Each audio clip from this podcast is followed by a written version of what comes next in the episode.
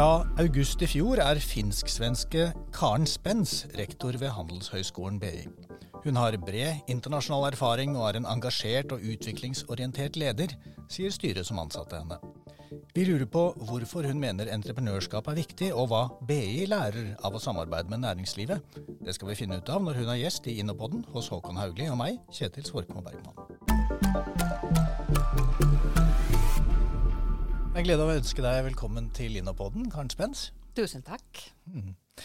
Siden 2015 har du vært rektor ved den eldste av Finlands handelshøyskoler, Hanken School of Economics, eller Svenska handelshøgskolan, som den også heter i Helsingfors. Du har en doktorgrad fra samme universitet og har vært professor i Supply Chain Management and Corporate Geography. For den som vet hva det er. og 1.8 i fjor så overtok du altså som rektor på BI. Eh, det er en jobb du har fram til 1.8.2026. Hva fikk deg til å velge BI og Norge? Ja, tack ska du ha för inbjudan och tack Håkon att jag får vara med här idag. Jag är faktiskt professor på, i logistik kan man säga lite på ett enklare mm. sätt på svenska. Uh, och som sagt, jag har varit rektor sedan 2015 på Hanken i Helsingfors och en av de saker som jag är väldigt och var väldigt intresserad av att, var att faktiskt i något skede att fundera på att hur ser det ut med lite andra utmaningar. Jag var kanske inte säker på att det blir Norge men när det visade sig att platsen här på, på BI var ledig så, så kunde jag ju inte ta annat än ta mig an utmaningen. BI är ju en fantastisk skola med trippelackrediterad likadant som, som Hanken var. Hanken var ganska mycket mindre. Vi hade 2500 studenter BI har nästan 20 000, 20 000, kanske lite över 20 000 till och med. Så att, eh, en väldigt stor skola, eh, en fantastisk skola men med samma kvalitetsstämpel och kan man säga som globalt sett som också Hanken det.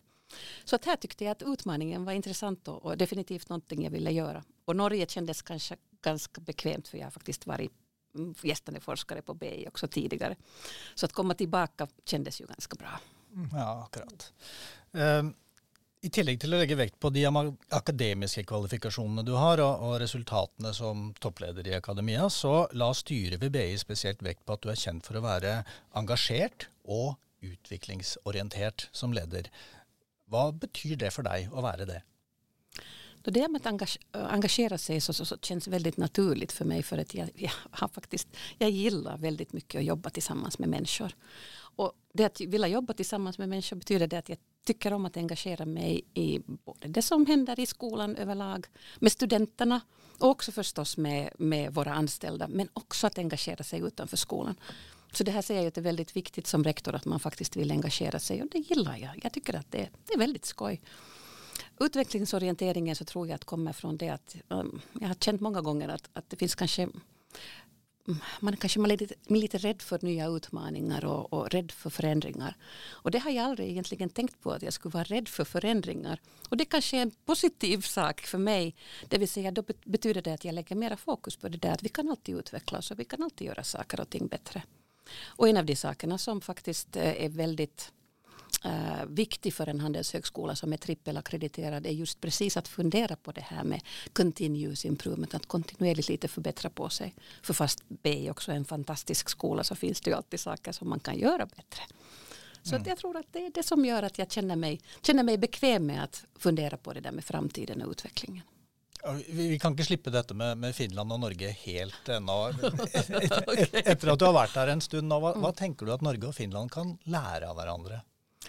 Alltså i mångt och mycket så, så äh, tycker jag att Norge och Finland har väldigt mycket lika saker. Det vill säga vi gillar ju att åka till vår sommarstuga i Finland som vi kallar det, hytte och gå i naturen. Det finns väldigt många saker som är väldigt lika i Finland och Norge jag. Det som vi kan lära oss av varandra är kanske lite sådana saker som jag tror kanske att Håkon speciellt vad gäller innovation så känner han kanske bättre till än det var jag. Men det som jag har funderat väldigt mycket på som man har gjort väldigt bra i Finland är faktiskt det här samarbetet mellan olika uh, nivåer, det vill säga samarbete mellan ministerierna och samarbete mellan högskolorna och, och speciellt det här med vad gäller så har man faktiskt jobbat väldigt mycket med det. Bland annat så gjorde Helsingfors staden sak, det gick in och bestämde sig för att de kommer att satsa på innovationsmiljöer och vara med i, i de här satsningarna pengarna i, i universiteten och satt in pengar på det. Så det tyckte jag faktiskt att var ett, var ett fint sätt att samarbeta. Så jag tror att det där med att samarbeta, och det känns uh, som att i Finland så, så, finns det faktiskt ett utbrett, en utbredd tanke om att det är väldigt bra att samarbeta och att olika nivåer samarbetar bra.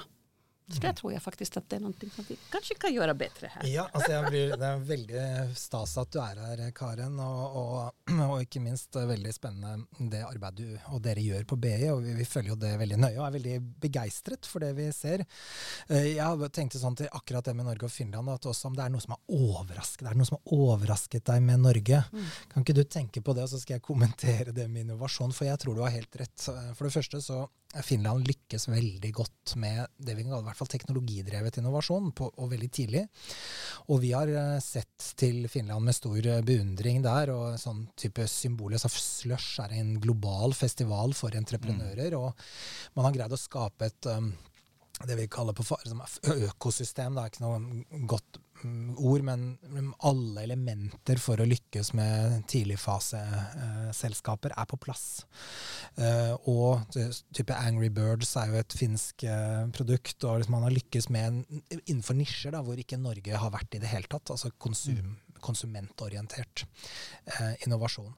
Og veldig sterk ingeniørbase, som gjennom fra Nokia osv. Det som er utrolig viktig, er jo å forstå næringsutvikling og innovasjon som mer enn teknologi. Og da kommer dette samarbeidet inn. For det er så viktig å ha folk som forstår forretningsmodeller, som forstår kundene, som er markedsorienterte, som kan lage en bedrift ut av det. Og der tror jeg at vi skal se til Finland og tenke hvordan gjøre de koblingene raskt nok.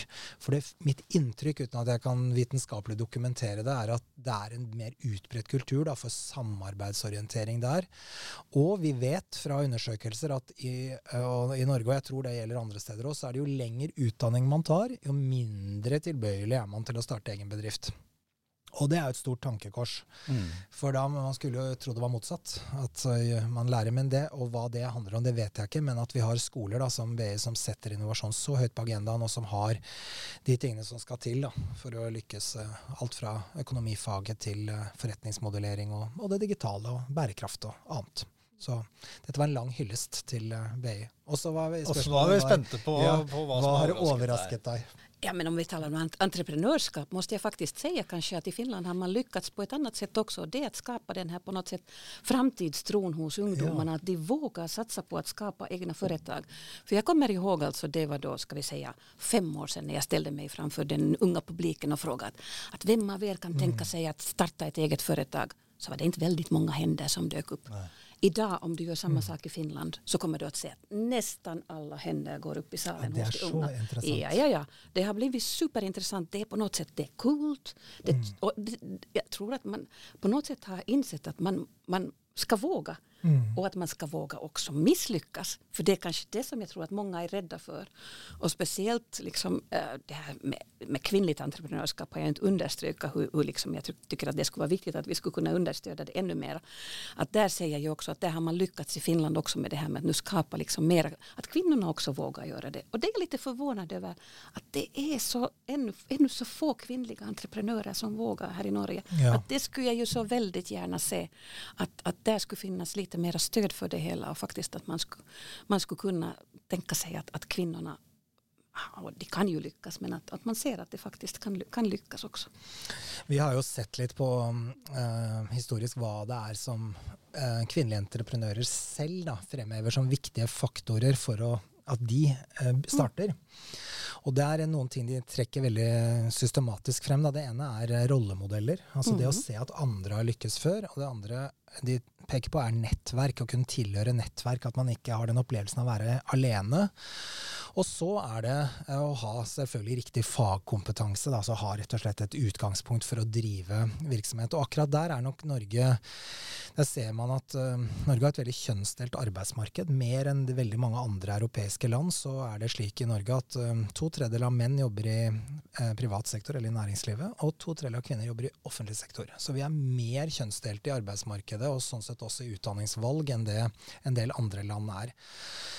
det betyr jo ikke at det ikke er potensial potensial for kvinnelig entreprenørskap. Tvert imot, men det betyr at det kanskje må legges til rette for det på litt andre måter. Det er et kjempespennende tema. Jeg tror for øvrig sånn håndsopprekning da, i Norge så tror jeg også det har gått i riktig retning. Det er flere som ville rukket opp hånden på mm. spørsmålet ditt nå enn for fem år siden. Men vi har relativt nylig også spurt da, unge mennesker om dette, og vi ser en fallende trend akkurat nå. Så vi er litt bekymret i Innovasjon Norge for, eh, for entreprenørskap, om vi da kanskje er ved et vippepunkt, og at det nå blir færre fremover. Og det har egentlig ikke Norge råd til. Så det er en oppfordring til både til BU og alle andre som måtte høre på denne podkasten. Vi er nødt til å styrke og videreutvikle vårt økosystem for entreprenører. For Norge, da, i motsetning til andre land, skal både erstatte de bedrifter som går over ende. Altså alle land har behov for nye bedrifter for å erstatte det etablerte næringslivet. Og i tillegg skal vi i Norge eh, omstille oss til, til, noe annet fra vår absolutt mest lønnsomme næring, olje- og gassnæringen. Så vi har en dobbel omstillingsutfordring. Mm. Och sen märker man ju i Finland också att det vad man har försökt göra nu är det här att ge det här stödet från att du ska våga, våga inte bara vara entreprenör själv utan faktiskt också anställa andra. För det har varit stora, stora frågor och diskussioner kring det hela för att det är så väldigt utmanande både finansiellt sett och för övrigt att sen faktiskt ta det steget ut att man börjar anställa. Och där tror jag att det, finns, det säkert finns potential mm. också att, att fundera på den frågan här. Att inte man bara inte ser till att man blir entreprenör utan man faktiskt vågar ta steget ut och anställa sen vidare. Ja, väldigt godt poeng. Og kan ikke jeg si også noe om det? Det er så bra du fremhever dette med, mm. med failure, eller altså at man mislykkes. Ja. For det er også en kulturell ting, det der å, å se på det som en læring, og, og ikke Uh, og i neste omgang da dra veksler på den kunnskapen og prøve en gang til. Og at også systemet rundt en ikke tenker oi, denne personen har gått over ende en gang, det er ille. Men heller tenke her har den personen lært noe som gjør at vedkommende er faktisk bedre rustet i andre runde enn i første runde. Og her tror jeg også vi har litt å gå på i Norge. Mm. Nå fikk vi høre litt om, om, noen av forskjellene mellom Norge og Sverige. Men nå har vi altså en Finland. ny Mellom Norge og Finland. nå, nå, har vi en, en, ganske ny og fersk rektor her ennå, Håkon. Hva, mm. hva, er dine forventninger til uh, Karen Spens uh, som rektor på BI? Jeg føler ikke det er min oppgave å ha noen forventninger. Men jeg kan jo ha noen, eh, noen ønsker. Og, og, veldig mye av det handler om at BI fortsetter å være Jeg tror det aller viktigste BI fortsetter å være så tett på norsk næringsliv som skolene har vært hele tiden. Det er en helt unik ting ved BI i det norske utdanningssystemet, er den nærheten til, eh, til bedrifter bredt. Og så liker jeg veldig godt da, at det er både et uh, digitalt og et bærekraftsfokus uh, i undervisningen, og at man kompletterer da, de klassiske økonomifagene med en forståelse av hvordan verden er i utvikling. Og dette dual transition da, som vi står i, både digitalt og grønt, som jeg opplever BI både forstår, og ikke, enda viktigere enn det, greier å omsette i et tilbud til undervisningen. Og det gjør meg veldig trygg på at de som tar utdanning på BI, er rustet for å jobbe i det næringslivet som vil være der også om noen år frem, frem i tid. Og så er det jo kontinuerlig altså Til ditt spørsmål tidligere da, om utvikling. Men klart BI kan aldri stivne i sin form. og Det gjelder jo alle utdanningsinstitusjoner, men jeg tenker BI også må ha det med seg. Mm. Vi ser jo det på deg når du snakker om entreprenørskap, at dette er noe som du er engasjert i. Eh, men, men, fortell litt mer om hvordan BI faktisk jobber sammen med næringslivet. BI jobbar ju förstås med, på många olika sätt med näringslivet och en av de sakerna som jag ju vet att BI faktiskt är känd för så är ju det just det nära samarbetet med, med, med näringslivet och det är ju faktiskt studenter som väljer BI framför andra, andra alternativ för att man vet då att den här, den här kontakten är så nära. Våra studenter får ju jobb. Jag tittar på de senaste siffrorna också. Där är det ju, man kan säga nästan siffror som i Sydkorea. Det är inte Sydkorea, Nordkorea. med hur studenterna får jobb. För det är ju faktiskt så att sex månader efter, efter, efter att de utexaminerade så har så gott som nästan alla jobb, 98 procent jobb. Eh, faktiskt inom entreprenörskap ännu flera. Ja. 99 procent har jobb. Mm. Uh, från de, uh, masterstudierna i entreprenörskap så det är ju helt fantastiskt. Um, men det, det, som jag kanske tänker Oj, nu tappade jag tråden. Vad var det du frågade? Ja, jo, samarbete med näringslivet. Samarbete med näringslivet. Just det, flera olika fronter, det var det jag skulle säga. Ja, alltså det vad studenterna önskar är ju förstås det här samarbetet med näringslivet och det viktigaste är förstås att vi ser till att programmen också har det här. Och det vet jag att där har vi varit väldigt duktiga på det. Jag säger att kanske vi kan bli ännu bättre på att fundera på att hur får vi in gästföreläsningar till exempel. Hur ser vi näringslivet på alla våra olika program? Inte bara på vissa program, förstås entreprenörskapsprogrammet, men på alla olika program. Och jag tror faktiskt att man är ganska bra på det på mastersnivå speciellt och på bachelorsnivå vet jag att kanske vi kan göra det ännu lite bättre. Så har vi ju förstås olika, vi har center som jobbar väldigt tätt med, med, med näringslivet och förstås de fagliga resurserna har ju alla sina kontakter. En förutsättning för de flesta är ju faktiskt när du gör forskningen att den skal, den ska ha också en inverkan och förväntningen är på forskningen att den man har en inverkan också på, på, på samhället. Så att den, den starka och nära kopplingen till näringslivet måste finnas där i den forskningen som görs. Mange i næringslivet sier eh, Håkon, at eh, den største utfordringen for dem er ikke mangel på kraft, men mangel på arbeidskraft. Altså ja, riktig kompetanse. kompetanse. Hvilken rolle tenker du at BI har i å sørge for at vi har folk med riktig kompetanse framover? Ja, altså, det kan jo nesten ikke overvurderes, den rollen eh, BI og for så vidt andre da, utdanningsinstitusjoner har. Men her er jo Altså, dette kommer til å være hindre for vekst fremover i Norge. Det er tilgang på relevant og riktig arbeidskraft. Og det ser vi allerede. Når vi spør bedriftene hva hindrer din eh, vekst, så si, peker de på kompetanse som nummer én. Så vet vi at det er andre ting som betyr noe. Da. La meg bare si det. Altså, bare kapital og, og, selvfølgelig kunder er jo åpenbart avgjørende. Men, og dette er vanskelig for den enkelte læreinstitusjon. Fordi det kompetanse er ferskvare, det skal endres hele tiden. Vi kommer til å gå inn i et, uh, en, et annet, tror jeg, da, um, paradigme når det gjelder kompetanse. Denne tiden med å være ferdig utdannet, den er over. Vi kommer til å lære gjennom hele livet. Og det er jo en operativ utfordring til en institusjon som BI, da, som baserer seg på at studentene er der en periode og så går ut i arbeidslivet. Og kanskje kommer tilbake til når de er liksom voksne og skal ha en etterutdanning. Men den er kontinuerlig. Av den svingdøren da, som er åpen hele tiden. Hvordan legger man til rette for det? Hvordan ser modellene ut? Hvordan, hvordan være relevant i undervisningen? slik at man faktisk velger det? Og på toppen av det så er for mange er jo digitale læringsarenaer godt tilgjengelige eh, for oss. Vi kan i prinsippet ta en, et sommerstudium på Harvard alle sammen, bare på nettet. Så i sum da, så gjør dette at BI tenker jeg, for det første har en utrolig viktig rolle. Både campus, altså læringen på tvers mellom studenter, tverrfaglighet, kvalitet i undervisning. kjempeviktig. Og det å forstå næringslivets behov, ref det vi nettopp snakket om. Og i tillegg forstå, evne å fornye seg i møte med trender og utviklingstrekk som både gir muligheter, men også store utfordringer for en stor institusjon som BI. Mm. Så Karen har en viktig jobb. Ja, og Du er inne på et av de temaene som jeg vet at eh, Karen er veldig opptatt av, nemlig livslang læring. Fortell oss mer om det.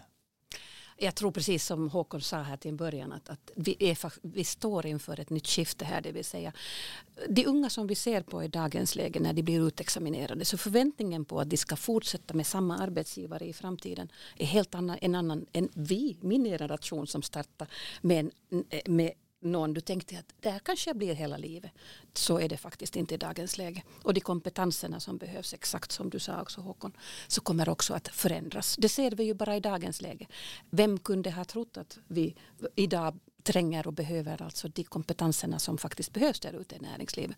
Så jag tror att det här är en utmaning både för studenterna och för, det, för näringslivet och för oss förstås som ska skola det här, att hållas med i utvecklingen. Där tror jag starkt på det här att det kommer att finnas fortsättningsvis också ett behov med att utbilda sig och få en grad.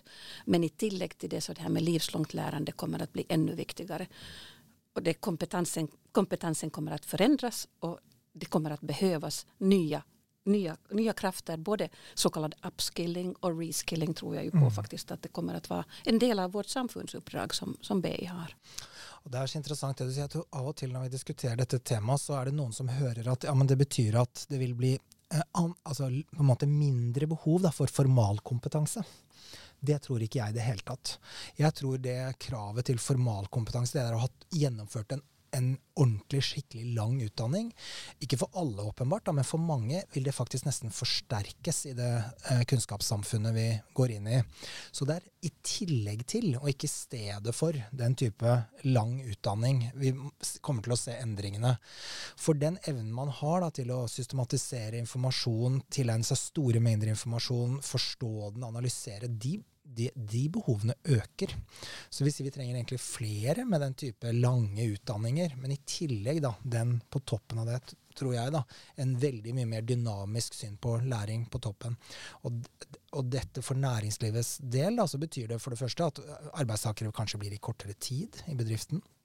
De vil eh, pendle mellom utdanning og arbeid i større grad enn eh, det vi har vært vant til. Altså ref, Man blir ikke 50 år og får gullklokke, men man går frem og tilbake. Eh, man vil kanskje i en situasjon kombinere man, Mange vil holde på med kanskje en grad da, samtidig som de er i jobb. Så det blir et veldig mye mer fragmentert bilde på utdanningssiden, men også på næringslivssiden. Altså Bedriftene må også rigge seg annerledes for å kunne håndtere utdannings- eller kunnskapsrevolusjonen. Og her ligger også litt av svaret på kompetansetilgang, tror jeg. Man må kommer til å finne andre modeller for å knytte riktig kompetanse til seg, f.eks. gjennom samarbeid med andre virksomheter uh, i større grad enn det vi har sett historisk. Jag tror ju nog att universiteten och högskolorna i framtiden och speciellt med tanke på att förväntningen till och med faktiskt från ministeriekunskapsdepartementet är ju det att man ska engagera sig ännu mer i det här. Det här har ju faktiskt B gjort väldigt länge.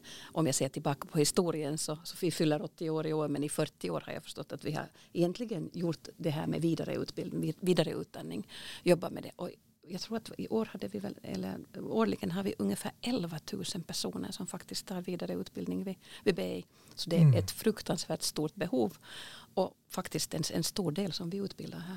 Det var så veldig morsomt. For noen år siden så var jeg inne i en av disse etterutdanningsklassene deres, som var en eh, gruppe med sykepleiere som var på en etterutdanning hvor de um, og jeg var bare gjest og hørte på, men de snakket om innovasjon. Mm. Og hvordan kan vi bringe innovasjonstankegang inn i vår jobb da, i helsevesenet i Norge. Og det er et eks fantastisk eksempel, syns jeg, på den type kompetansepåfyll. Og disse var alle i full jobb, og så hadde de noen dager på BI da, hvor de tilegnet seg noen nye ferdigheter og var veldig begeistret for den undervisningen også. Akkurat. Et annet eksempel på, på, dette er vel kanskje at i november 2020 så kjøpte BI seg inn i innovasjonsselskapet Kongsberg Innovasjon.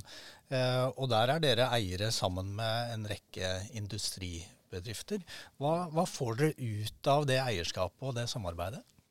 Jag tror att det är väldigt viktigt förstås att vi har det täta samarbete och det här är väl en, ska vi säga, ett slutresultat av de relationer som man har haft tidigare. Så jag kan ju förstås inte tala för den förra rektorn och de besluten som har gjorts då men jag har förstått att det var väldigt viktigt att man tänkte sig att man kan utvidga det här samarbetet och ännu jobba bättre för de facto, inte bara med startups utan också med scale-ups. Vilket jag tror faktiskt att det är en, en väldigt viktig sak som vi egentligen inte har diskuterat så mm. mycket ännu. Og det er så interessant. Vi driver jo bl.a. Eh, et klyngeprogram i Innovasjon Norge. Og den som er hjernen bak det i sin tid, det er jo Torgeir Reve, som både var professor og rektor på BI. Og han er jo også veldig opptatt av scaleups, og har skrevet mye om det. Og vi har latt oss inspirere veldig da, av eh, Torgeir var veldig tidlig ute, jeg burde kanskje si BI, da, men BI og Torgeir, ute med å peke på det at og det er forskning fra, fra han og BI da, som viser at det er et fåtall av de nyetablerte bedriftene som gir de store eh, økningene da, i sysselsetting og verdiskapning. Så av alle nyetablerte bedrifter er det noen veldig få som, eh, som bidrar veldig veldig mye mer. Og det er da disse typer scaleups vi er måte, på jakt etter da, som samfunn, fordi de betyr mye.